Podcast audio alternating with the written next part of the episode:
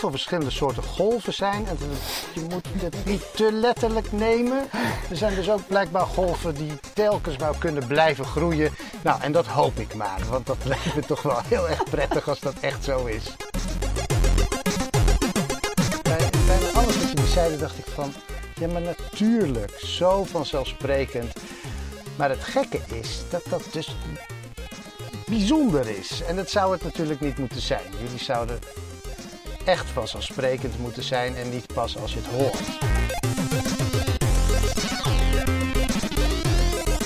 Welkom bij de podcast van Vasilis van Gemert en mijzelf, Astrid Poot, waarin we onderzoeken wat de plek is van ethiek in ontwerpen.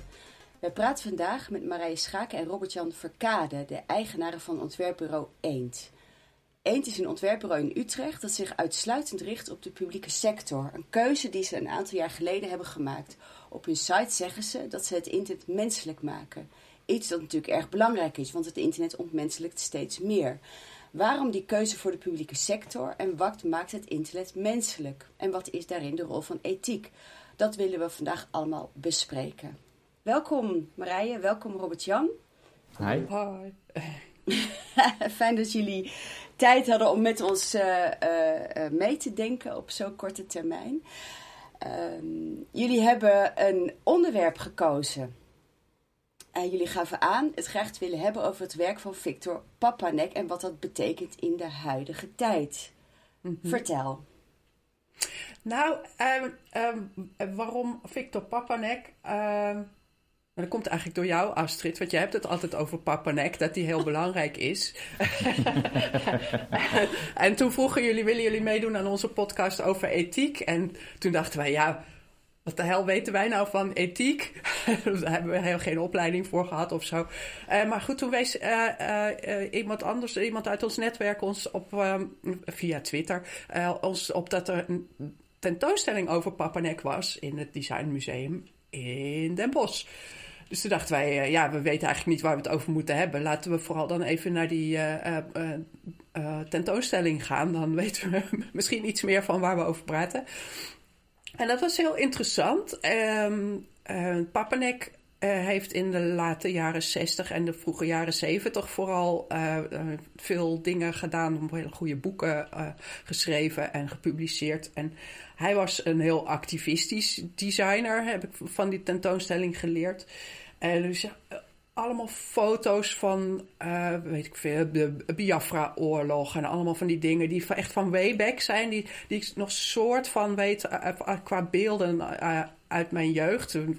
Ik ben van 68, dus die, tijd was niet helemaal mijn tijd, maar ja, Papanek de, de, posters die ik zag, die zei, hij zei allemaal hele goede dingen over de rol van ontwerpers. En dat je als ontwerper een grote verantwoordelijkheid hebt. En uh, dat we veel meer ons moeten richten op mensen uh, die wel wat steun kunnen gebruiken. En juist niet voor big business werken en zo.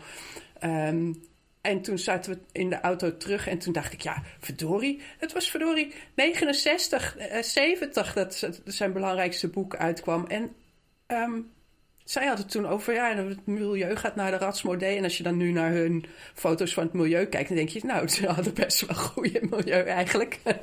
en uh, daarna hebben we toch heel veel meer rotzooi gemaakt. Um, dus mijn grote vraag was toen eigenlijk, ja, waar is het misgegaan? Want alle, alle studenten worden gewoon opgeleid met Papanek op de uh, uh, designacademies en uh, de, de, de industrieel ontwerpopleidingen. Volgens mij, ik heb daar nooit gezeten, maar ik kan me dat zo voorstellen dat dat gebeurt. Um, ga, waar gaat dat dan mis? Dat was mijn vraag. Ik, ik weet eigenlijk niet of ze sinds de jaren zeventig continu Papanek onderwezen hebben gekregen. Ik kan me zo voorstellen dat in de jaren negentig, en ook wat toen ben ik naar geen designopleiding gegaan, maar een kunstopleiding. Mm -hmm. Daar hebben we nooit over ethiek gehad. Daar hebben we zeker nooit over Papanek gehad. Um, uh, en ik weet ook nog uit de jaren negentig dat ethiek was echt niet zo'n dingetje. Dat was ook zelfs een beetje van, nou ja, we gaan nu gewoon lekker geld verdienen. Oké. Okay. Dat, in elk geval, dat is hoe ik het heb ervaren. Van dat, dat, dat was niet echt helemaal het ding toen. Uh, hoe, was dat, hoe was dat bij jouw opleiding dan, Astrid? Ja, ik heb daar ook over na te denken. Bij ons kon je daar eigenlijk zelf voor kiezen. Dus wij, wij hadden, het werd bij ons zeker wel aangeboden. Maar het was ook uh, heel erg prima als je daar niks mee deed. En als je inderdaad voor een soort hedonistisch uh, ontwerpcontext koos. Dat was ook heel prima. Dus de, eigenlijk stond heel erg de... Um, ja, de, de ambitie van de ontwerper zelf stond heel erg centraal. De opleiding ging meer over het vinden van die ambitie en die eigen stem. Maar er werd mhm. eigenlijk niet zo heel erg gestuurd op ethiek en duurzaamheid. Dus ze vonden dat wel heel tof als je dat deed. Mhm. Maar hedonisme vonden ze eigenlijk net zo tof. Dus het was meer over het vormen van wie je bent al vanuit je innerlijke motivatie. Dan dat er van buitenaf uh, ideeën over wat goed was werden opgelegd. En dat... En ik denk dat dat wel belangrijk is. Dat papa en ik ook zegt dat je. Ehm, hij zegt zelf ook over onderwijs, hè, dat heel veel onderwijs gaat over zelfexpressie en, en inderdaad toch ook hedonisme. Terwijl hij vindt dat je als ontwerper gewoon geen enkele keuze hebt. Je moet gewoon voor de wereld ontwerpen, voor het goede, punt. Hij is daarin natuurlijk heel ja, intolerant, zou je kunnen zeggen. Uh, en dat is misschien ook wel een beetje een ongezellige boodschap. Weet je, als je als, als uh, jonge student net begint en je wilt je creatief gaan uiten. Je hoort eigenlijk alleen maar dat het gaat over de wereld en jouw taak daarin. Misschien is dat ook wel helemaal niet aan studenten besteed. Dacht ik later. Dat weet ik niet. Ja, dat weet ik ook niet. Want als je bijvoorbeeld kijkt naar alle dingen die op de Dutch Design Week gemaakt worden de afgelopen jaren. Het schrijft heel veel dingen over duurzaamheid en uh, milieu en hergebruik en circulariteit en zo. Dat ik er zelf soms wel een beetje moe van word. Ja, mag je nou alleen nog maar dingen ontwerpen als het over circulariteit gaat? Waren dat niet gewoon de thema's de afgelopen jaren? Ja, dat kan ook. Ja, maar die komen wel ergens vandaan, die thema's. Ja, zeker. Die worden wel ergens gestuurd. Ik weet nog wel dat we een jaar of, nou het zal het zijn geweest, uh, een jaar of vijf geleden of zo, bij What Design Can Do waren. En daar ging het heel erg over, nou de ontwerpers gaan nu de vluchtelingproblematiek aanpakken en op, ook oplossen. Daarvoor hadden we, hadden we als ontwerpers het klimaat al uh, uh, opgelost. En nu gaan we ja, de vluchtelingenproblematiek op, oplossen. Um, nou, dat, dat, uh, dat vond ik bij, bij Papanek, laat me zeggen, ook wel een beetje het beeld. Zo van, oké, als ontwerper heb je wel uh, uh, waarde en, en, een belangrijke stem. Maar ehm, ik, ik heb niet het idee dat je als ontwerper echt alles gaat oplossen of alles moet willen kunnen oplossen. Ik denk dat je, je moet beperken bij de rol die je hebt en de invloed die je hebt. En, en niet de, daarin de gedachte hebben van nou mijn invloed is toch maar heel klein, want die kan best heel groot zijn. Uh, maar ja, zoiets als uh, dat de ontwerpers wel even de vluchtelingenproblematiek gaan oplossen. Mm, een beetje dat, vond, dat vond jij een beetje dat vond jij een beetje te grote broek aantrekken? Nou, niet zozeer te grote broek als wel weinig realiteitszin. Mm. Ja, tegelijk denk ik dat als je juist wat, wat, wat mijn ervaring is met, met de jonge studenten bij, uh, bij Vasilis uh, op de opleidingen. Als ik daar af en toe dan uh, langs mag komen voor, voor leuke gastles of zo, valt me altijd op dat ze best graag over dat soort ontwerpen ook, onderwerpen ook na willen denken. Mm. Dus die bereidheid is heel erg, de interesse is er ook. Maar dat idee, het is te groot om, dat is misschien iets wat je later in je leven ontwikkelt. En het feit dat ze daar nog niet zo mee zitten, vind ik juist ook heel inspirerend. Want het feit dat je beslist dat het te groot is om op te lossen, zorgt ook dat het niet opgelost wordt. Dus ik ben in die zin, zit ik echt wel in de school van Papanek, dat ik geloof dat je ambitie niet groot genoeg kan zijn. En al is het alleen maar doordat je met je, met je tomeloze, naïeve, domme activisme uh, aandacht vestigt op het probleem. Dus ik ben wel echt van de school van Papanek, merk ik. En ook steeds meer. Dus dat is misschien ook heel slecht nieuws. Maar tegelijkertijd. nee hoor, is helemaal geen slecht nieuws. Soort, dan verander ik toch in zo'n soort gekke oude dame met vreemde kleren die maar radicale dingen roept. um, nou, wel leuk. Nee, maar ik, ik merk dat, dat, dat ik wel echt heel erg geloof dat ontwerpers als een van de weinige beroepsgroepen in Nederland de skills hebben om er ook echt iets aan te doen. Dus wij kunnen zien wat er gebeurt, wij kunnen dat begrijpen en koppelen aan andere dingen die we in de wereld waar of hebben gezien of hebben gelezen ooit. Mhm. En we hebben de handvatten om dingen te veranderen. En dat, ik vind, ik deel wel het gevoel van Papanek dat dat ook een soort verplichting met zich meebrengt. Mm. Ja, deel je die op, op, uh, op praktisch gebied of echt als, als, als een soort idealisme? Ja, allebei. allebei. Dus, dus ik geloof ook, daar hebben Vasilis en ik het ook al eerder over gehad. Ik geloof ook niet dat inderdaad een ontwerper het vluchtelingenprobleem in één keer kan oplossen. Maar ik denk wel dat de ontwerper kan laten zien dat je binnen het hele grote probleem kleine oplossingen kunt maken. Die uiteindelijk leiden tot een verandering van de bewustwording rondom het probleem, tot, tot meer draagvlak bij de politiek. Dus, dus dat mm. je, hoeft niet gelijk een revolutie te ontketenen. Misschien soms trouwens ook wel, maar dat is toch voor de meeste mensen te verontrustend om, daar, om dat soort dingen te doen. Maar ik geloof wel dat je door je werk voortdurend kleine veranderingen kunt veroorzaken die andere mensen ook weer in beweging zetten. Ja. En wij, wij zaten toen in de auto terug en toen hadden we het er ook over, voordat ik dan een beetje boos was van waarom, waarom is het nou nog steeds niet geregeld. En Rob Jan zei, uh, ja, het is ook een cyclisch iets. Er zijn dingen die weer terugkomen. Het gaat allemaal in, in golven. En misschien zien we dat dan nu ook een beetje. Dat weet ik eigenlijk niet. Maar hoe, hoe is dat dan bij jou, uh, Fossilis?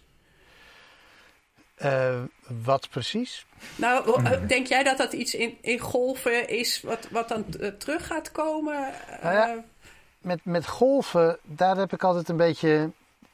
Ik vind het een beetje een vervelende metafoor. Want een golf, dat zou betekenen dat alles begint, maar alles wordt dan ook weer gecanceld. Mm. En daarna, alles wat gecanceld is, dat wordt dan weer opnieuw opgebouwd. Want een golf gaat gewoon heen en weer. En dan gebeurt er eigenlijk niks. Hmm. Uh, en je hebt natuurlijk ook de tsunami als een golf. En dan gaat alles stuk. En dan moet je alles opnieuw opbouwen. Dat is misschien meer de revolutie. Dat, ik weet ook niet of dat een goede golf is. Dat, nee, ontzettend veel ellende ja. uh, brengt dat met zich mee. En je zou natuurlijk weet je, na 100 jaar zou je kunnen zeggen, nou, maar daar is toen wel wat moois uit ontstaan. Maar goed, dan moet je de mensen die net een tsunami over zich heen hebben gehad, niet mee lastigvallen. Ja, een beetje de, de Stalin. Uh, ja, precies. dat, is, dat, is, dat is een revolutie. Ja. Um, daar vind ik ook nooit zo'n leuke golf. Um, dan heb je natuurlijk ook nog het idee waar ik dan misschien een als je het toch over golven, want ik zie die golven natuurlijk wel. Hè? Dus mm. je ziet dat. Ik, ik, ik hoop bijvoorbeeld dat Trump een soort van golfje terug is. Maar dan hoop ik meer op de twee stappen heen en dan een klein stapje terug. En dan weer, laten we zeggen, een paar hele grote stappen nu vooruit. Maar ik weet dus niet of dat zo is. Mm. Want eerlijk gezegd, als je kijkt naar die, die ontzettend ethische houding van ons nu, dat is best wel een modern gedachtegoed.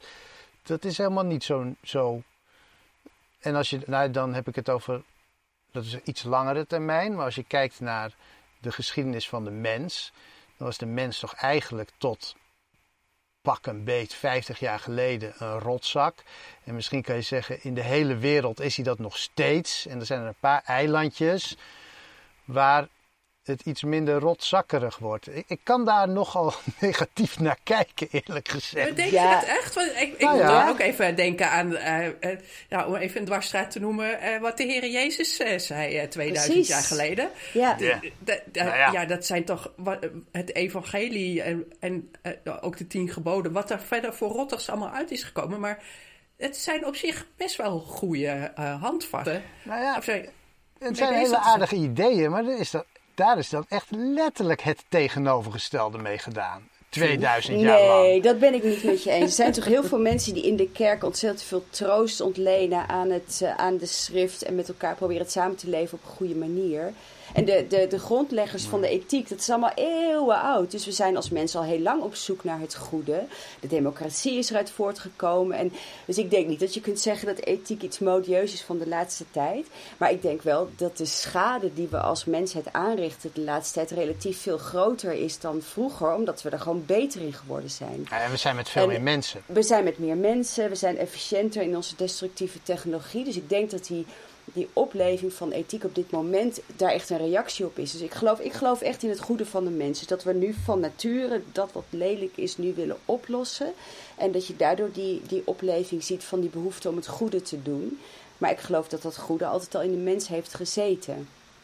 Nou ja, en ik denk dus dat het goede moeilijker is. Want als ik kijk, dan overheerst toch, dat is ook de discussie die we tot nu toe hebben gehad, zonder uh, gasten erbij, over dat ja, het, is veel makkelijker om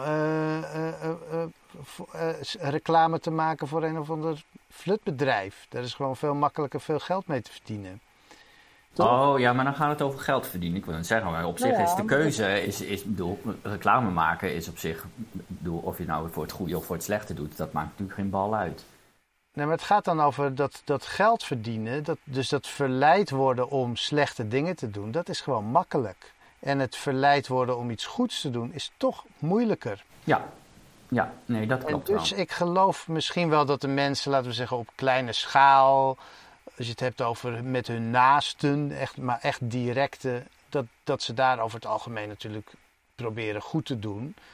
Uh, maar dat als je dan kijkt naar de iets grotere impact die mensen kunnen hebben, dat ze al snel dat uit het oog verliezen en denken, ja, nou ja, goed, hè, als ik dit dingetje doe, wie ben ik nou? Wat is dat effect nou? Maar ik heb dan wel lekker extra geld voor mijn naaste. Hè? Dus er zit, het is natuurlijk ook niet allemaal evil, die gedachten. Maar, um, dus ik geloof niet zo dat het.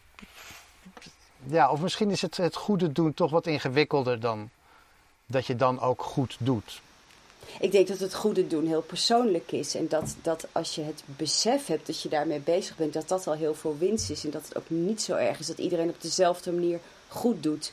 Want dat, want dat is wel wat pap en ik ook zo lastig maakt. Hij schrijft gewoon voor hoe het moet. En dat is natuurlijk heel heftig, omdat hij daarmee voorbij gaat aan het feit dat je inderdaad misschien een heel duur huis hebt, wat je elke maand moet aflossen. En dat in zijn wereld lijkt dat niet voor te komen. Maar we kunnen wel zoeken naar die balans. En dat vind ik ook zo leuk aan, aan jullie, uh, Marije en uh, Robert-Jan. Dat jullie hebben op een gegeven moment gekozen om je te richten op die publieke sector en niet meer op de commerciële sector.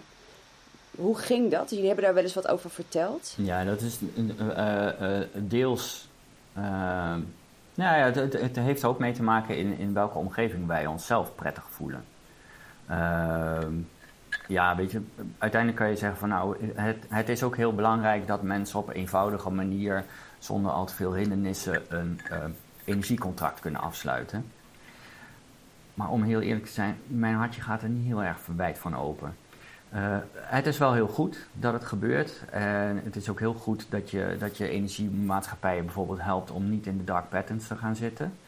Uh, dat lijkt me heel verstandig. Maar uh, laat een ander dat doen. Ik merkte dat, eh, dat wij met Eend steeds meer zicht kregen op hoe wij de overheid konden helpen om hun doelen te bereiken. En daarin de dienstverlening ook vooral te verbeteren. Want wat, wat we nu vaak zien is dat nou ja, de, de, digitaliseringsslag bezig is. En dan denken ze van, oh ja, we hebben dit formulier en dat hebben we al 30 jaar zo. Dat hebben we heel lang over gedaan om het formulier nog verder uit te breiden. Um, en, en, en, en dat gaan we dus nu online zetten. Maar dezelfde vragen die we normaliter uitvragen, aan een balie bijvoorbeeld, waar iemand uh, terechtkomt. En dan kom je bij een ambtenaar die jou door dat formulier heen leidt en zegt van ja, maar dit zijn een paar onzinvragen, die slaan we even over. Maar die onzinvragen, die krijg jij nu gewoon voor je scherm en er zit er niemand naast van, het zijn eigenlijk onzinvragen, sla maar over. Maar die moet je allemaal online, moet je gewoon allemaal in gaan vullen. En dat is super vervelend. En, en, en daarbij uh, merken wij dat we ja, inmiddels gewoon die keuze hebben kunnen maken om, om daar uh, ons op te richten.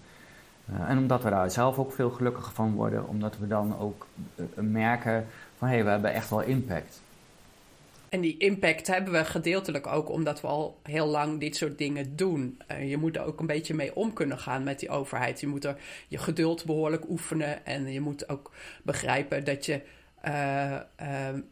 niet alles in één keer voor elkaar kan boksen. En dat je ook heel veel mensen moet overtuigen in een organisatie. Dat het, het, het, werkt gewoon heel anders dan bij een energiemaatschappij waar je één opdrachtgever hebt. Uh, nou ja, dat, dat zijn ook allemaal redelijke molochen. Maar uh, we merkten gewoon dat de, de, de, overlap tussen wat wij kunnen en wat we willen doen, dat het heel goed paste bij, bij overheidsdingen. Uh, en we vinden het gewoon super belangrijk om dat te doen.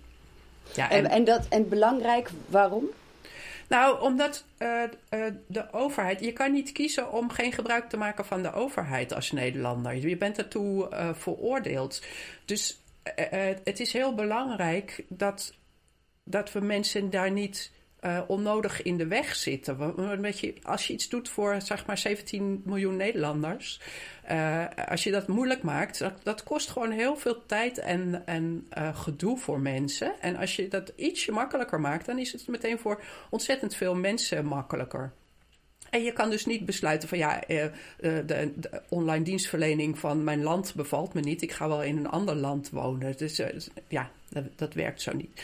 En nou, het gaat allemaal over gemak, maar uiteindelijk gaat het natuurlijk ook over eerlijkheid en toegankelijkheid uh, van dingen.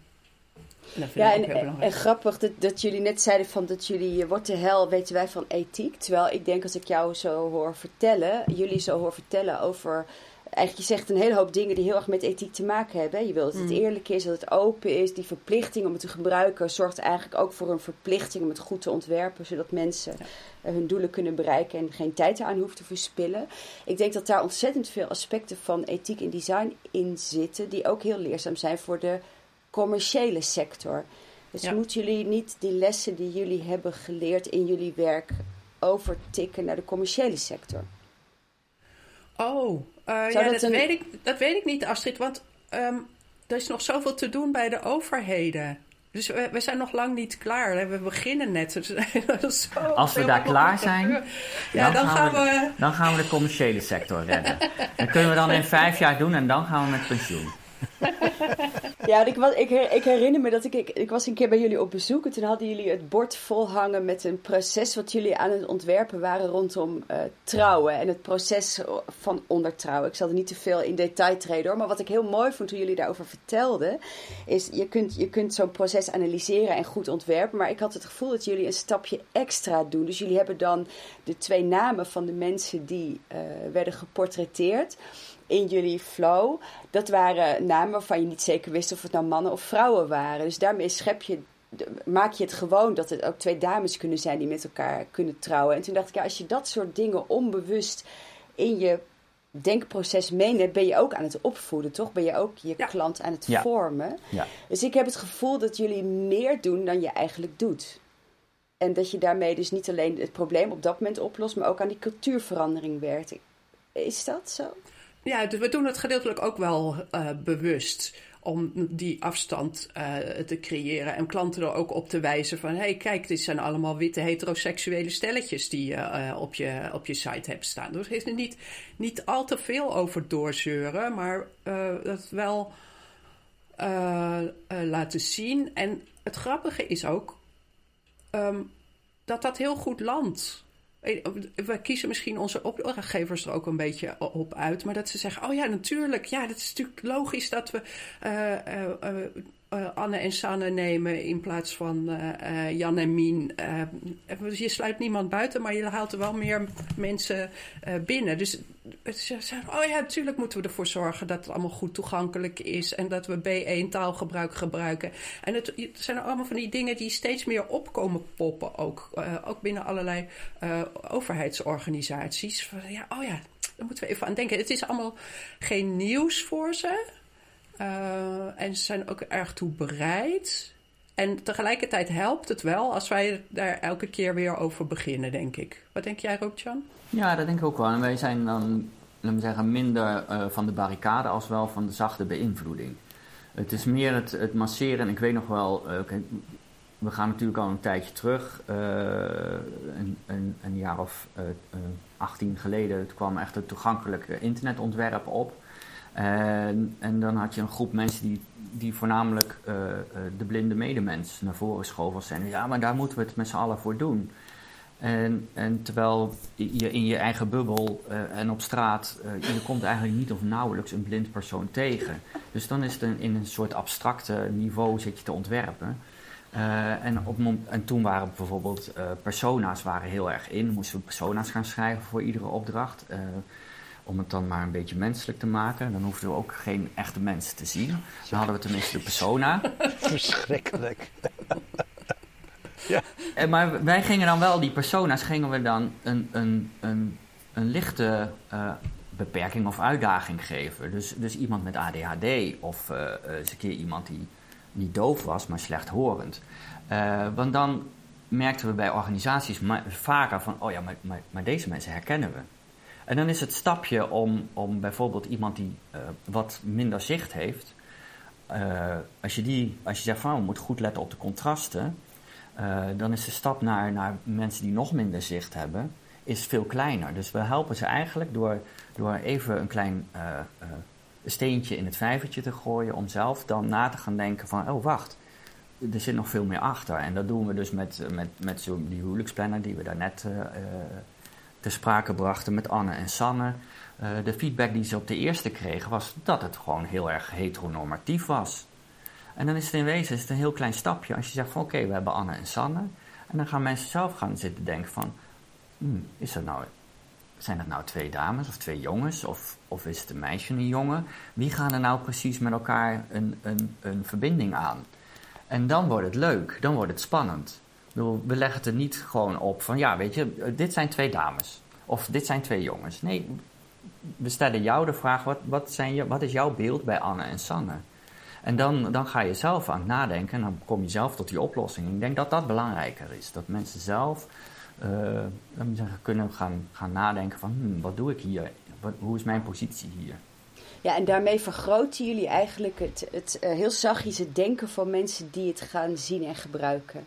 Het is heel vriendelijk hè, wat jullie doen. Ja, ja, ja. Over het algemeen wel, denk ik. Sorry. nee hoor. Nee, dat is, dat is een van de. Ja, nee, maar dat, dat, dat is wel een van de dingen waar wij uh, voor staan. Vriendelijkheid. Ja, ik denk dat. dat um, nou ja, ik voel me daar gewoon zelf niet zo thuis bij om met iedereen ruzie te gaan lopen trappen. Ja. ja. Ik zie de waarde Nee, maar het is wel iets waar we vanaf het begin van Eend altijd wel op gelet hebben. De, de vriendelijke foutmelding, uh, daar, daar kunnen wij eindeloos...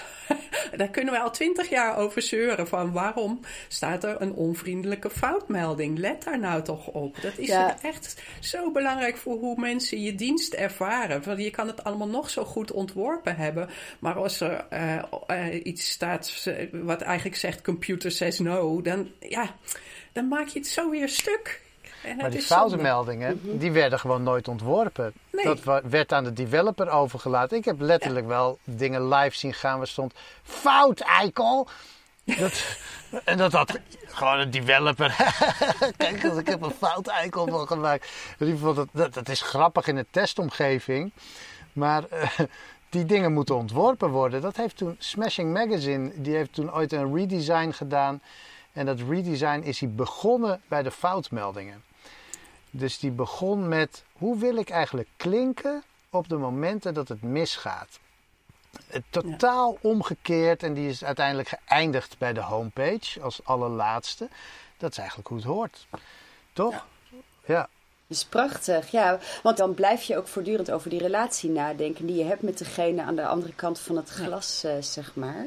Ja, en dat vriendelijke, is dat dan ook dat de internet menselijk maken, zit het, zit het dan daarin dat je heel erg over die relatie nadenkt? Ja. Ja. Ja, want dat is altijd de indruk als ik jullie werk bekijk, dan voel ik dat er mensen zijn die het hebben ontworpen. En bij heel veel andere organisaties voel ik helemaal geen mensen. Daar voel ik gewoon een generiek proces waar ik dan doorheen moet op één manier. Dus dat is dat, dat, is dat menselijke internet waar jullie naar streven. Ja, ik, wij zijn er beide wel van. Uh dat je mensen bij de hand mag nemen. Op het moment dat mensen die hand nodig hebben, dat je ze bij de hand mag nemen. En zeggen van kom, we doen het samen, we gaan je er nu doorheen leiden. Dus niet zeggen van ja, weet je, kijk, uh, je moet gewoon uh, een beetje hoog opgeleid zijn en dan kun je onze dienst gebruiken. Nee, eh, zo werkt het gewoon niet. Ja. En, en ik denk dat dat ook heel belangrijk is. En, en, en dat hoeven wij uh, binnen de overheid echt niet meer te gaan vertellen. Dat dat heel belangrijk is. Dat weten ze allemaal donders goed. Maar wij moeten ze bewaken dat ze niet terugvallen in hun eigen, in hun eigen wereld. Uh, want uiteindelijk ook al die mensen bij, bij een overheid uh, die daar werken, zijn voornamelijk mensen die, die een redelijke opleiding hebben.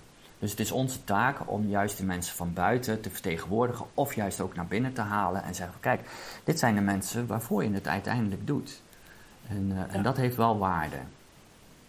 En wij, wij uh, wij herkennen ook heel veel in. Um, kennen jullie Lou Down van, um, van het boek over service design?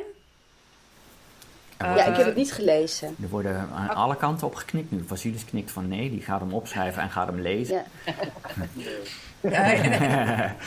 nou, ja, het, het, is wel leuk om een keer een praatje van Lou Down te kijken, denk ik. Het boek is best wel het is heel goed geschreven, maar het is heel lullig opgemaakt. Vind ik. ja, daar zouden ze ontwerpen naar moeten kijken. ja, dat, het is echt, echt heel erg ontworpen uh, uh, gemaakt. En dat werkt ontzettend goed op slides. Op de slides die Lou gebruikt. Maar als leesboek wordt het daar uh, minder van, helaas. En dat is heel jammer, want het is echt een heel belangrijk boek. Lou Down werkte bij gov.uk. En heeft daar heel veel gedaan aan service design. En uh, service ontwerpen gaat echt over mensen bij elkaar brengen. Er is één mens die iets wil doen en er is een andere mens die ervoor kan zorgen dat dat gebeurt. En daartussenin zit iets. En het gaat helemaal niet over dat iets wat er tussenin zit. Het gaat over hoe die twee mensen bij elkaar te brengen. En dat is, dat is uh, eigenlijk wel waar we al die jaren naar hebben gezocht. Van hoe geef, ja, wat is het nou eigenlijk wat wij willen doen? Want wij heten ook Eend, omdat toen Robert-Jan begon met onze vorige ontwerper aan Eend. Uh, toen was, ging het allemaal over technologie en interactive cyber dit en dat. heten alle, uh, alle uh, ontwerpbureaus in die tijd, vooral bouwbureaus. maar dat wilde zij toen al niet. Ze wilde iets iets simpels, iets eenvoudigs, iets wat dicht bij de mensen is. Nou ja, um, eentjes zijn natuurlijk heel dicht bij de mensen, uh, beesten. Dus ja, daar, daarom is ook natuurlijk ook gewoon een vette marketing ding van iets met één lettergreep wat je nooit meer vergeet. Maar goed. Ja, echt uh, vet. ja. Hele harde marketing. De foie gras onder de marketeers zijn wij. ja. nee, maar dat heeft er dus echt vanaf het begin uh, wel wel ingezeten. En misschien zien we dat ook niet uh, als. Uh, we, dit, we gaan nu eens even enorm ethisch bezig zijn, maar dit is gewoon hoe wij in elkaar zitten en hoe we het willen. En juist ook gewoon een beetje dwarsigheid. Uh, ja, dat is inderdaad ook wel zo'n, wat jij helemaal aan het begin zei, Vasilis. Van in de jaren negentig moest je gewoon uh, uh, geld verdienen. Zeker in, begin 2000 en zo. Ja, het internet, daar ging je super rijk mee worden. Hebben mensen van ons ook wel eens gedacht van, ah, jullie zijn nu vast rijk, want je hebt een internetbureau. Daar keken wij om ons heen van, het zal wel, maar het, het boeit ons ook gewoon niet. Oh, dat is wel leuk. Ik had hem als vraag staan. Zijn jullie minder rijk dan andere mensen? In ons hartje bedoel je? Als eigenaren van een digitaal bureau. Zijn, ja, uh, nou, ja, wij zijn echt superrijk. Als je het vergelijkt met heel veel mensen in, in op de wereld, zijn wij echt ja. superrijk. Maar dat is iedereen in Nederland wel. Uh, nee, we zijn helemaal niet rijk. Nee. nee. Maar dat is echt een keuze.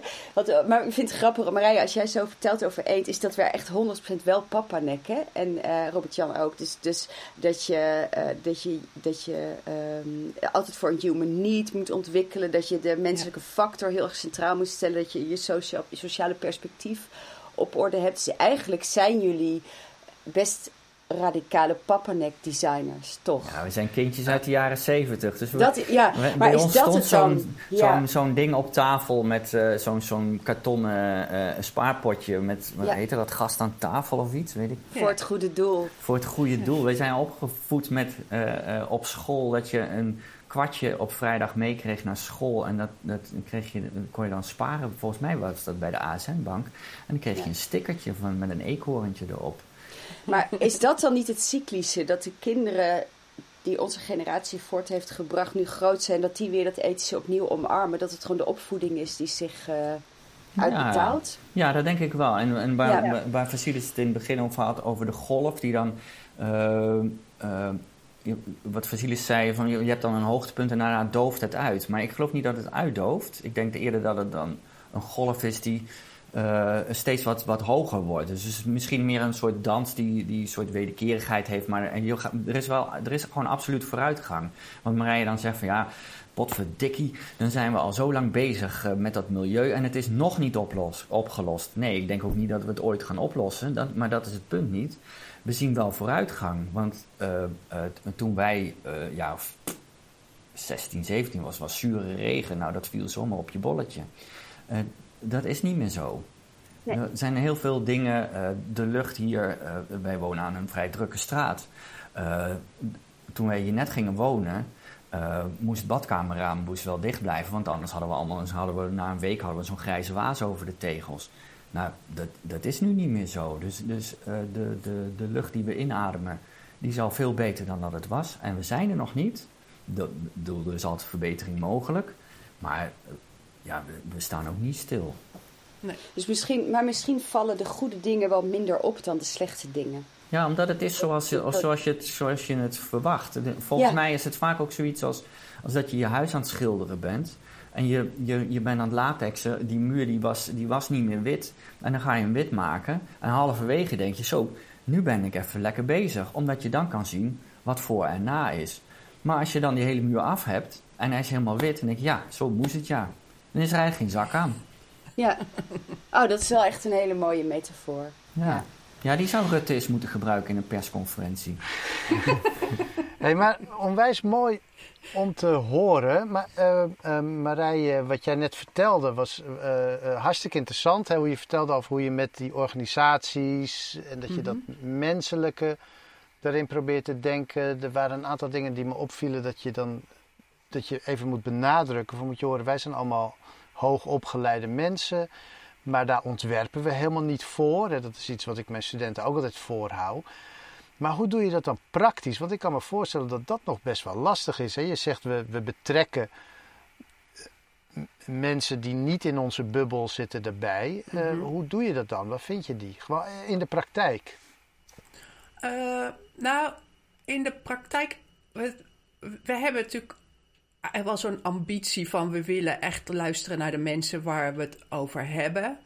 Maar dat blijft eng om echt naar een bijstandsmoeder in de wijk te gaan en te, te vragen hoe zit dat nou met jouw interactie met de gemeente.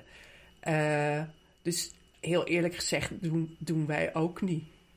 Um, maar dat doen we. Nee, nou, nou nooit wel eens, wel eens, maar eigenlijk uh, minder dan we het zouden moeten doen. Als ik er zo over nadenk van hoe zouden we het moeten doen. Maar wat we wel steeds meer doen is uh, niet alleen met de communicatieadviseur praten, maar juist ook met mensen uit het sociaal domein of de mensen die achter de balie zitten. En, want die hebben de directe interactie met de mensen iedere dag. Dus die kunnen daar al heel veel meer over vertellen dan iemand die daar vanuit een, weet ik veel, studie bestuurskunde uh, dingen aan het regelen zijn. Die mensen zijn super nodig.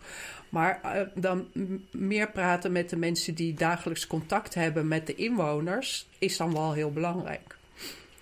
Wel grappig dat je dat eng noemt. Ik weet nog wel dat ik het ook eng vond. Hè? Ik heb een, een, studie gedaan waarbij ik, ik moest met participanten werken. En dat heb ik altijd verder van me kunnen houden. Omdat ja, ik werkte over het algemeen voor mezelf. Of in een ontwerpbureau waar ja, dat testen hoeft niet, want we zijn hartstikke goed. Uh, was een beetje de, de attitude daar. Um, is wel lekker. Zeker, maar het klopte niet. Nee. en uh, ik vond het doodeng om naar mensen toe te stappen. Maar ik merkte wel dat als ik dat deed, dat ik tot echte nieuwe inzichten kwam waar ik gewoon niet op had kunnen komen. En inzichten die ertoe doen, die veel beter zijn. Ja. En, uh, want ik weet ook wel, jullie hebben ook wel eens verhalen verteld over dat jullie dan nou, in elk geval gingen observeren of zo. Jullie gaan dan zitten kijken, dan gaan jullie in de wachtruimte nou, zitten. En... Nee, maar, maar wat, Marije, wat Marije zegt van eh, eh, we doen het te weinig. Maar dat, is, de, maar dat is, iedereen vindt altijd dat hij iets te weinig doet. Uh, maar als je het, als je het afzet tegen, tegen hoe de meeste mensen werken, uh, doen wij het juist superveel en op de juiste momenten. En, en dat is denk ik belangrijk je kan altijd zeggen, ja, je doet te weinig, maar, maar wanneer is goed goed genoeg? Oké, mm. en heb je dan tips, want ik weet zeker, er zijn ontwerpers die dat best wel willen. En ik heb, maar wat ik vaak hoorde was, ja, budget. En eh, zijn er misschien slimme manieren, van die guerrilla manieren of zo, waarop je dat budget kunt omzeilen of zo, dat je het stiekem kunt doen of nou, ja, ik denk dat op het moment dat je het graag wil, dan uh, denk ik dat je moet investeren.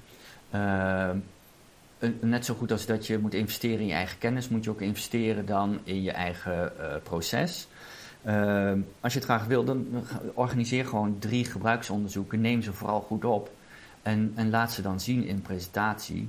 En, en dan merk je hoe goed het werkt. hoe goed je daardoor ineens het mooie woord draagvlak uh, creëert in zo'n organisatie. Dat zo'n organisatie denkt, oh ja, potdikkie, daar doen we het uiteindelijk voor. En, en als je dat doet, dan merk je dat bij een volgende opdracht. Kan je zeggen van, joh, we hebben de vorige keer hebben we daar op die manier zo goed werk kunnen leveren. Kijk, want we hebben dit gedaan. Uh, dan, dan zul je zien dat daar al een beetje budget voor komt. Dan nog moet je opnieuw even investeren, maar gaandeweg zul je zien dat het een, een plek krijgt. Ik weet nog wel, toen wij begonnen, was bijvoorbeeld zoiets als projectmanagement. Dat kon echt niet op de, op de, op de offerte. Dat werd er echt direct uitgeleuterd. Uh, nu is dat de grootste kostenpost. Ja, precies. En dan zei je, maar weet je, ons argument was, maar wat wil je dan? Wil je gewoon freeform een project gaan lopen? Ook goed, maar dan moeten we kijken hoe het aan het eind van de rit wat voor puinhoop het is. Of wil je gewoon een goed begeleid project? Dan kost dat tijd. En dus uren. Uh, en, en op die manier kun je gewoon, denk ik, ook met gebruiksonderzoeken of mensen spreken of samen gaan ontwerpen met de mensen. Uh, ja, je zal in eerste instantie zou je de stap moeten, moeten nemen en daar maar in, moet zelf moeten investeren. Als je die verandering wil, dan zul je hem als eerste zelf moeten, moeten bewerkstelligen. Je moet ja, niet en dan kan je, kan je stiekem doen. Maar ik vind hem ook helemaal niet ingewikkeld eigenlijk. Want alle projecten die, als je, als je een project maakt voor iemand die je niet zelf bent, wat vrijwel altijd zo is, dan is het ook veel effectiever om het te doen met degene voor wie het is. Dus ik, ik heb dat ja, al, eigenlijk altijd al gedaan. En ik herinner me ook, ik werkte op een gegeven moment bij een ontwerpbureau. Daar deden we als onderdeel van een pitch, dat vond ik heel, heel slim. Deden we altijd straatinterviews over dat onderwerp met de mensen voor wie het was. En die straatinterviews was dan eigenlijk onze pitch. En een straatinterview maken kost veel minder tijd dan een hele grote pitch. En, en als je de mensen voor je ziet voor wie het is, die iets zeggen over jouw onderwerp als klant, dan ben je, dat is zo overtuigend. Dus ik vond, dat een heel, ik vond het een instrument wat het heel effectief maakte, ook altijd juist. En ook de projecten die ik heb gedaan voor, voor kinderen met kleine kindjes met een beperking. Het is gewoon veel fijner om met die ouders te spreken dan allerlei aannames te doen. Omdat je gewoon betere dingen maakt. En ik geloof wel dat, dat iedereen daar wel van overtuigd is. Maar dat het eng is, dat is denk ik een heel belangrijk iets wat jij uh, zei, Marije. En ik had, ja. is een heel mooi boek, het heet Empathie van Roman Knarits. Die zetten we ook even in de show notes. En hij zegt ook, mensen vinden... Uh, ik, heb het, ik heb hier een, een, stukje erover. Mensen vinden het moeilijk om uh, zich verbonden te voelen aan mensen die heel ver van ze afstaan. Omdat je ze gewoon niet kent. Dus dat is een reden om het niet te doen. Maar vooral die laatste is denk ik heel belangrijk. Dat we zijn we zijn geneigd onze ogen te sluiten voor vreedheden en het lijden van anderen, omdat het te bedreigend is. Als je je verhoudt tot mensen die het slecht hebben, komt er iets van dat slechte ook bij jou terecht, zeg maar. Dus het is eng. En dat vond ik in, in dat boek, ik was heel blij dat ik dat las, omdat je daarmee ook als persoon die het eng vindt, daar weer empathisch over kunt voelen. Dus je mag het eng vinden, maar toch is het wel belangrijk om het te doen. Maar het is ook logisch dat het griezelig is om te horen hoe ellendig je leven kan zijn als je daar zelf eigenlijk bang voor bent. Dus ja. Ja, en ik denk als we al die dingen in oogschouw nemen, dat het eigenlijk dan best heel makkelijk kan. Als je maar ook naar jezelf toe lief bent daarover. Ja, het is een heel goed punt, Astrid. En ehm, ik, dat, dat punt hoor je ook altijd van: we hebben geen budget hiervoor. En dat is dus een rationalisatie. Het, het, Niemand kan zeggen, je moet niet zeuren over geen budget. Want ja, er is geen budget, dus dat is zo. Terwijl uh, een, iemand opbellen, zelfs met de whereby, uh, en dat opnemen... en gewoon aan iemand vragen, maar hoe is dit nou voor jou? Dat is in wezen zo geregeld. Daar heb je geen budget voor nodig. Dat kan je in een tussendoor kwartiertje doen. Dus het is ja. meer iets van het inderdaad uh, durven. En die quote van die meneer wiens naam ik niet kan uitspreken, die, eh, die werkt daar wel heel goed bij, denk ik. Moesten jullie ook allemaal denken aan de Belastingdienst net? Zeker, helemaal. Dat is natuurlijk te pijnlijk voor woorden. Ja. Um, ik, heb, ik, heb een, ik heb een vraag aan jullie nog, een, een case. Ja. Ik denk dat dit een goed moment is om hem voor te leggen. Want ik zat heel erg uh, te, te, denken, wat, wat mijn, mijn grote vraag in dit hele ethiekonderzoek is, is dat ik denk dat in de publieke sector, de musea, de hulpverlening, dienstverlening, dat daar allemaal uh, ethiek en de relatie met mensen best wel heel erg centraal staat, maar dat het in de commerciële wereld relatief vaker misgaat. Dus eigenlijk wat ik, wat ik jullie zou willen vragen, ik heb een uh, case voorbereid. Ik dacht, ik had ook eerst de Belastingdienst toeslagen, die heb ik niet gedaan, omdat er al genoeg over geschreven wordt. maar waarbij je ziet dat de beoordeling van een situatie anders is dan jullie hem waarschijnlijk zouden doen. Dus die wil ik even aan jullie voorleggen en dan zou ik daar graag even met elkaar over willen spreken. Oké. Ehm, even zien. Uh, nou, ontwerpers kunnen, we hebben het net al gezegd, kunnen waarnemen, begrijpen wat ze zien en dat oplossen. En dat maakt ze uniek. In hun eigen werk is dat handig, maar ik geloof ook dat ontwerpers het systeem moeten proberen te veranderen. En dat is in dit geval dan het uitstapje naar het commerciële systeem. Dus mijn hoofdvraag aan jullie is dan eigenlijk: kunnen en moeten ontwerpers ook opvoeden? Nou, dan ga ik uh, mijn case toelichten. Het gaat over de lockdown.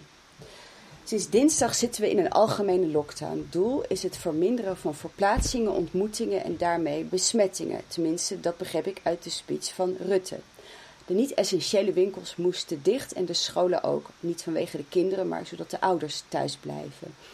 Dinsdag echter ging de HEMA gewoon weer open. En dat kan omdat ze essentiële goederen verkopen: banket, rookworst en babyspullen. En andere winkels deden dat ook. De publieke verontwaardiging vloog ze om de oren. Vooral het sluiten van de scholen, waardoor de kinderen leerachterstanden oplopen. In combinatie met de open HEMA maakte mensen boos. Het geld regeert. Kapitalisme werd er geroepen. De HEMA reageerde: dit mag volgens de wet, wij doen het volgens de regels.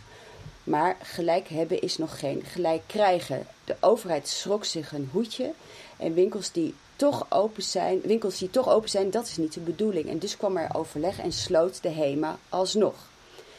Allemaal binnen één dag. Is ongekend snel voor de overheid.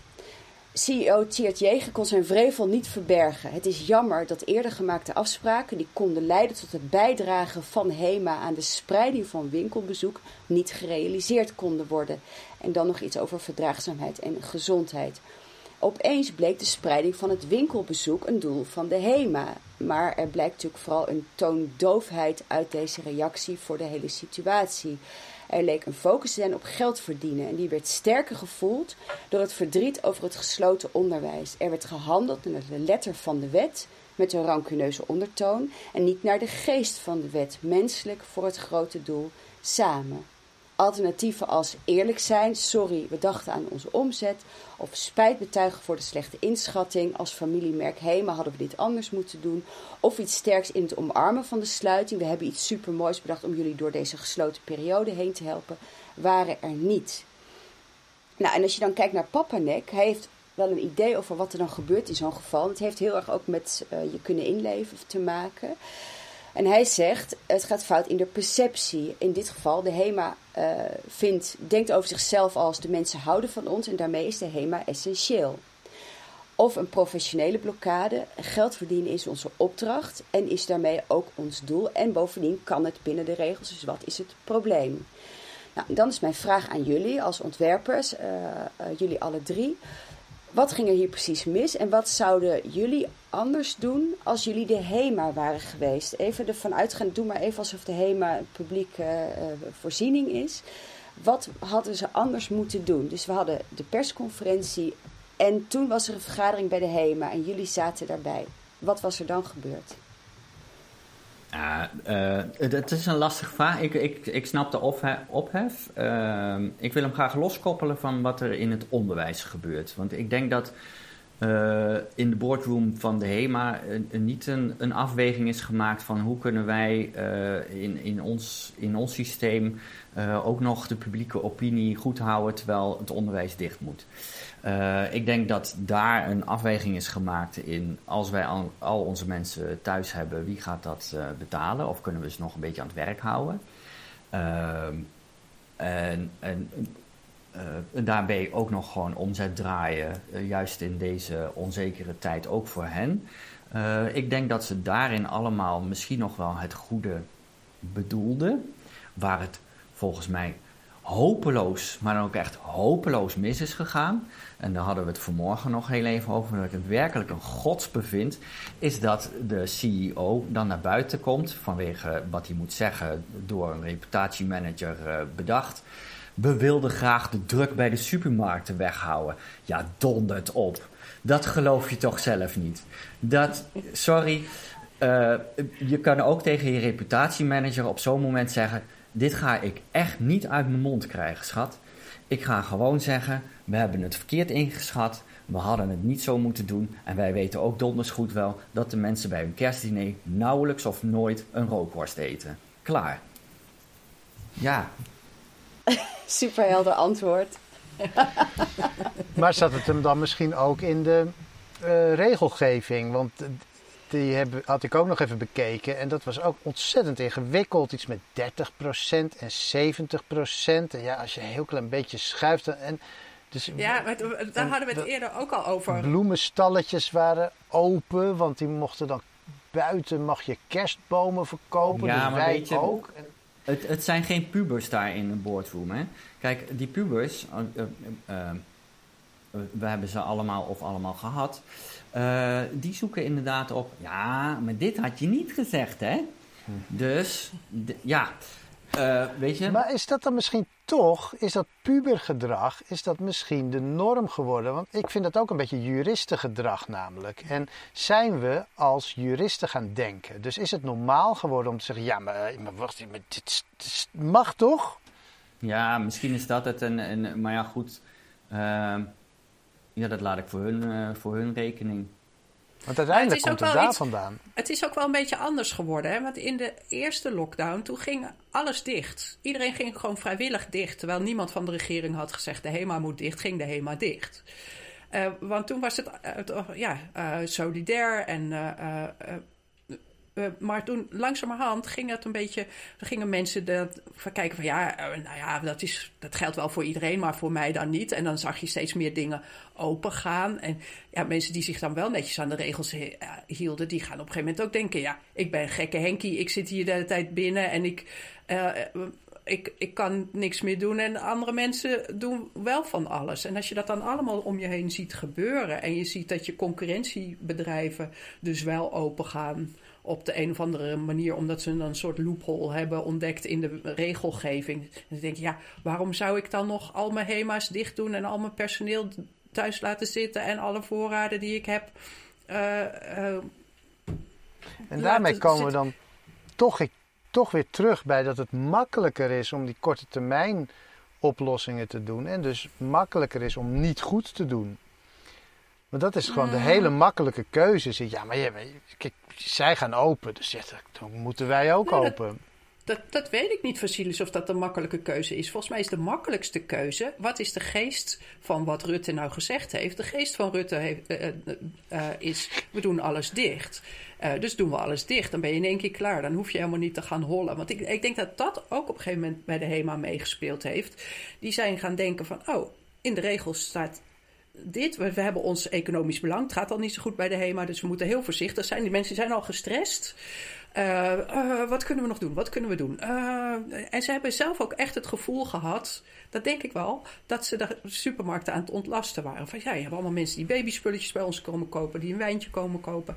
misschien zat dat er ook best wel achter. Maar dus die zijn er helemaal ingedoken van wat kunnen we wel, wat kunnen we niet. We moeten linten ophangen, iedereen instrueren, we moeten dit, we moeten dat, welke komen open. En ondertussen hoor je dan niet wat er in de samenleving gebeurt. En dan op een gegeven moment gaat de pers bellen en zeggen we ja, er is allemaal ophef, wat moet je daarmee? Dan schrik je ook weer rot. En dan, moet je, eh, dan hoor je van het kabinet is al iets anders aan het doen. Oh, dan moeten we al dat werk weer weggooien. En echt totale stress heeft daar geheerst. Daar heb ik ook wel. Ik denk aan de ene kant dat het een enorme godspe is, wat uh, Rob-Jan net zei. Maar aan de andere kant kan ik nu terugdenkend ook misschien wel een beetje invoelen. Dat je um, dat ook vanuit je eigen dat is niet vanuit slechtigheid gebeurd is. Dat die mensen ook uh, het goede proberen te doen. Alleen het is een andere goede dan wij willen uh, hebben. Um, even nog een anekdote. Van, we hadden laatst uh, hebben we twee dagen training van diezelfde Lou Down gevolgd. En er was één mevrouw die zei: Ja, ik heb. Laatst met, een therapeut over gehad. En die therapeut zei: Je moet altijd kijken naar wat is de positive intent van mensen. Wat, wat voor positiefs willen zij doen met dat enorm lullige wat ze tegen jou zeggen? Dat is allemaal heel naar en pijnlijk. Mhm. Maar zij, voor, voor jezelf ben je altijd eigenlijk wel bezig met een positief intent. nou, die probeer ik dan nu ook te zoeken. Ja, maar ik denk dat je gelijk hebt. Dus dat het gewoon per ongeluk fout is gegaan. Maar het is, ze zijn wel. Als er iemand bij was geweest die dat proces beter had overzien en daar zo op had gewezen, was het misschien anders gegaan. Dus als Robert Jan naast die reputatiemanager had gezeten, dan was er een andere uitkomst geweest waarschijnlijk uit dit proces. Misschien, maar weet je, het probleem is, is, is als je in die organisatie zit, dan, dan weet je ook veel meer van wat er allemaal omheen speelt. En, uh, en dan ga je waarschijnlijk eerder ook mee in, in, dat, in die waarheid, zal ik maar zeggen. En, ja. en, en, en wij hebben natuurlijk de luxe positie binnen in, in het algemeen dat wij van buiten komen en dan uh, in, in, in zo'n organisatie uh, kunnen zitten en zeggen van hé, hey, wat is hier precies allemaal aan de hand? maar op het moment dat je daar een jaar of drie in zit, ja, uh, dan, dan word je toch ook uh, geïnfecteerd met, met, met hoe het verder daaromheen gaat. Dus het is wel belangrijk, denk ik, uh,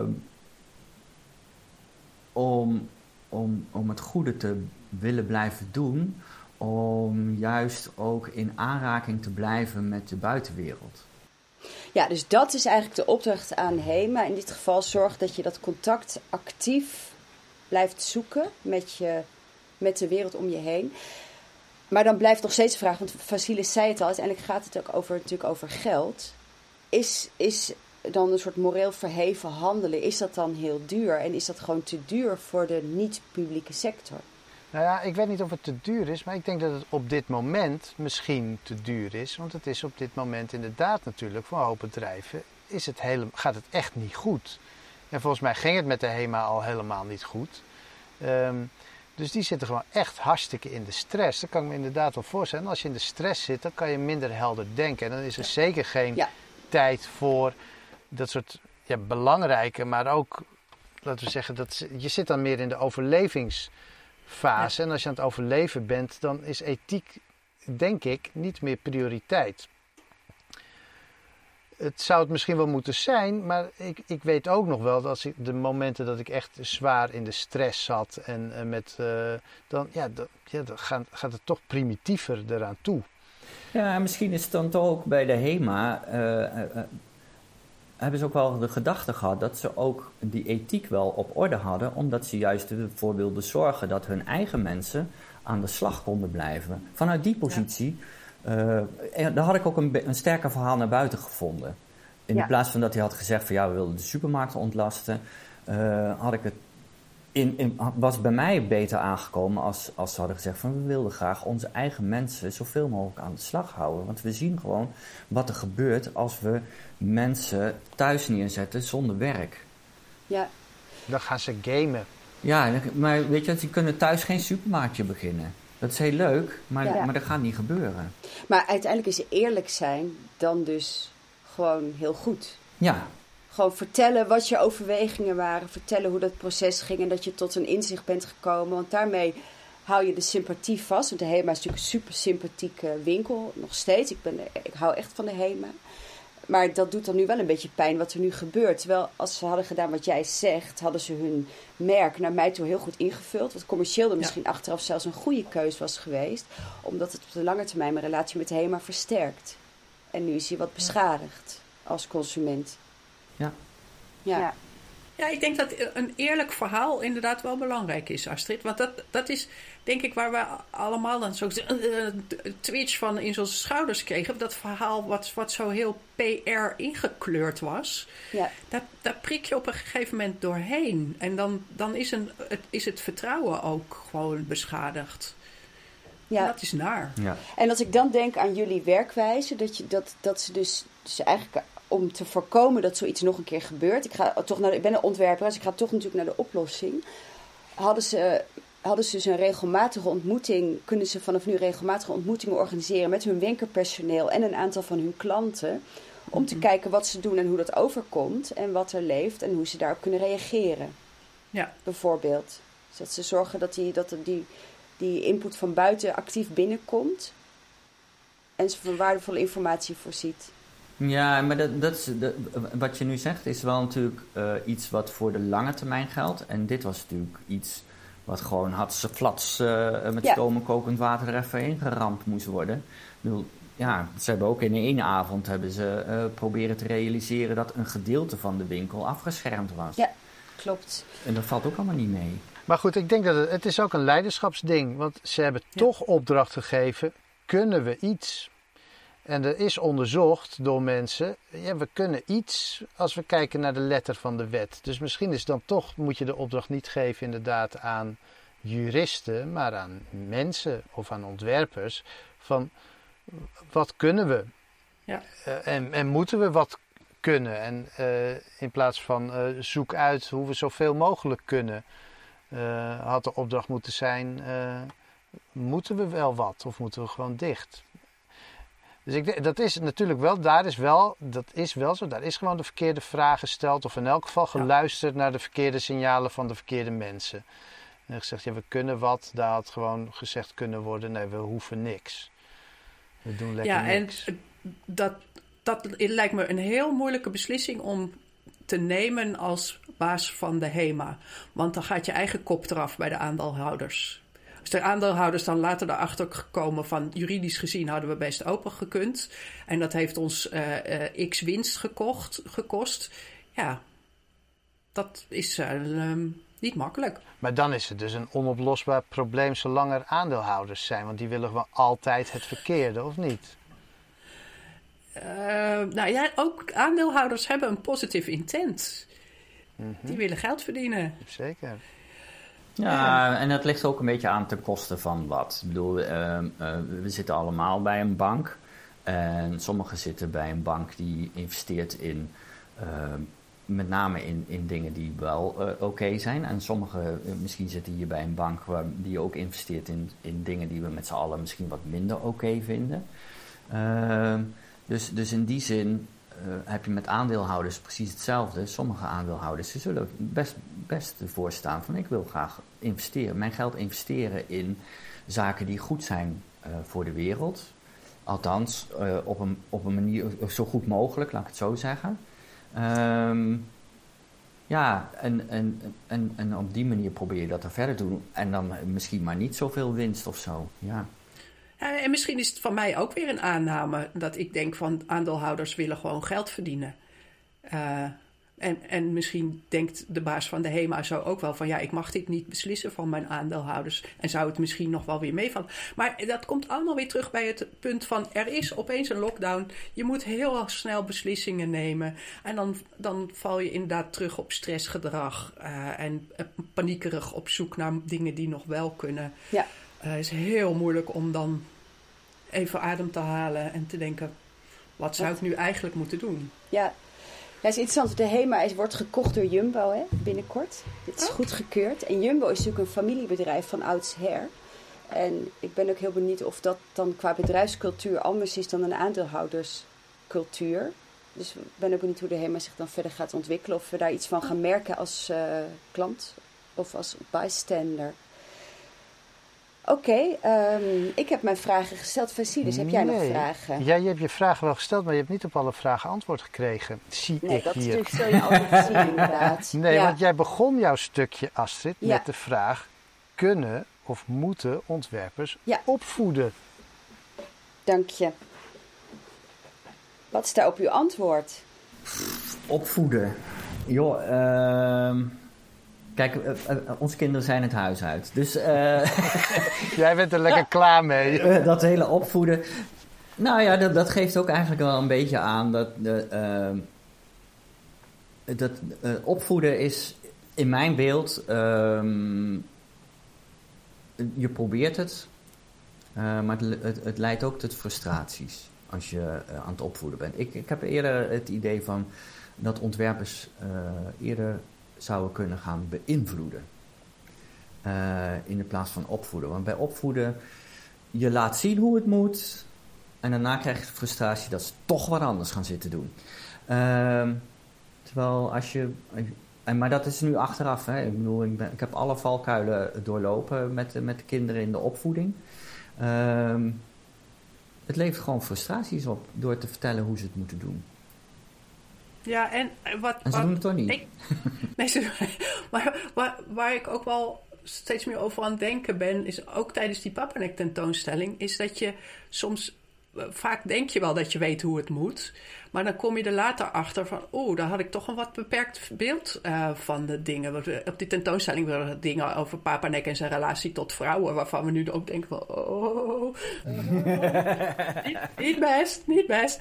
En uh, nu, worden wij ook weer opgevoed door onze kinderen bijvoorbeeld over uh, gendertoestanden en zo. En, Zeker, ja.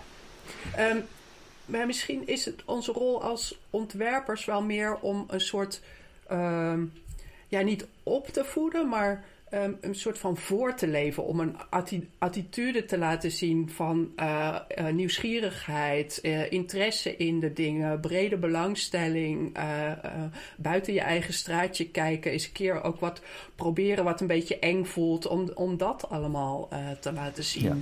En ook laten zien dat die attitude is dat je je laat beïnvloeden door anderen. Dus ik vond het mooi wat jij zegt over hoe jullie kinderen jullie beïnvloeden. Dat, dat, het is natuurlijk ook heel belangrijk om altijd open te staan voor nieuwe ideeën die ervoor zorgen dat je eigen patronen ook gaan veranderen. Ja. Ja, en ik denk dat dat ook wel vaak onze rol is bij, uh, binnen opdrachten. Om dingen van buiten naar binnen te brengen. En te, uh, ook onze opdrachtgevers een beetje aan de hand te nemen. En te zeggen: Kijk, het valt best wel mee dat gesprekjes houden met mensen. Het is goed te doen.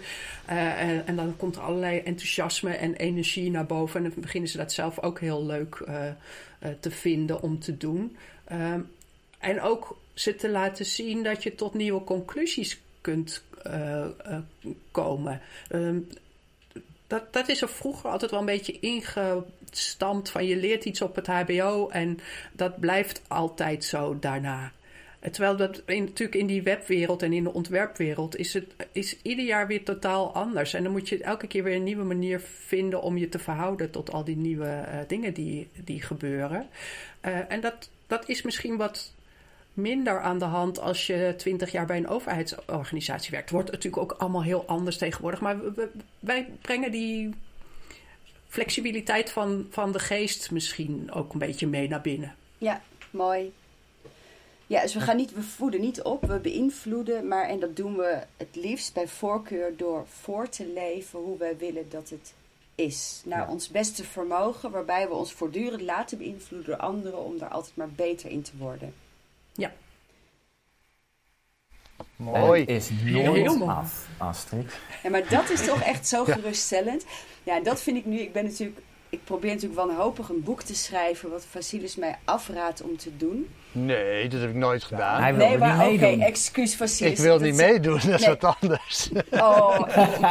nou, als je het een goed idee vond, dan ja, doe je wel mee. dat zegt heel veel over mij dat ik dat zo heb opgevat natuurlijk. Nee, maar ik merk steeds meer dat ik het wel, dat ik denk dat ik het wel moet doen. Maar hoe meer ik erover nadenk, hoe onduidelijker wordt wat de boodschap wordt. En dat is denk ik een heel mooi proces. Ja. Maar um, ja. Papa hey, 2021. Ja. ja. Uh, Robert-Jan, Marije, hebben jullie alles verteld wat jullie willen vertellen? Hebben jullie alles gevraagd wat jullie wilden vragen? Ik wilde in ieder geval één ding nog vertellen, want ik, werd, ik werd nogal uh, getriggerd op Astrid, die in een van de vorige podcasts zei van, dat ze zich een beetje een imposter voelde. Ehm, en, en of ze zich afvroeg of zij nou wel degene was die dat boek moest gaan schrijven. En, en uh, ja, Astrid, dat boek moet jij schrijven. en ja, je weet van het hele onderwerp geen fluit. Want dat hele onderwerp is echt zo ontzettend groot dat niemand er een fluit van weet. Alleen op het moment dat jij je erin verdiept, merk je pas hoe weinig fluit je ervan weet.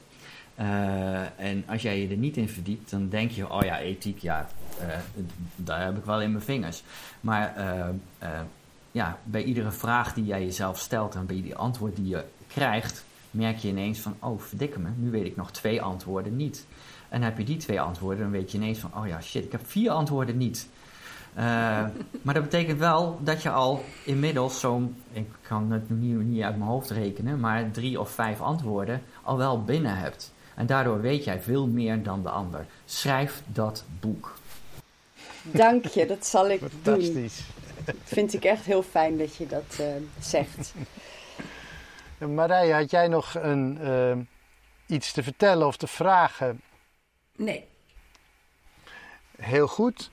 Um, Ik vond het echt een ontzettend prettig gesprek. Maar goed, wij hebben wel vaker prettige gesprekken. Nou, wij wachten nu op de, uh, een mooie uh, dominee Gremdaad-achtige samenvatting die je gaat geven, Vasilis. Oké. Waar de luisteraar ook verder mee kan.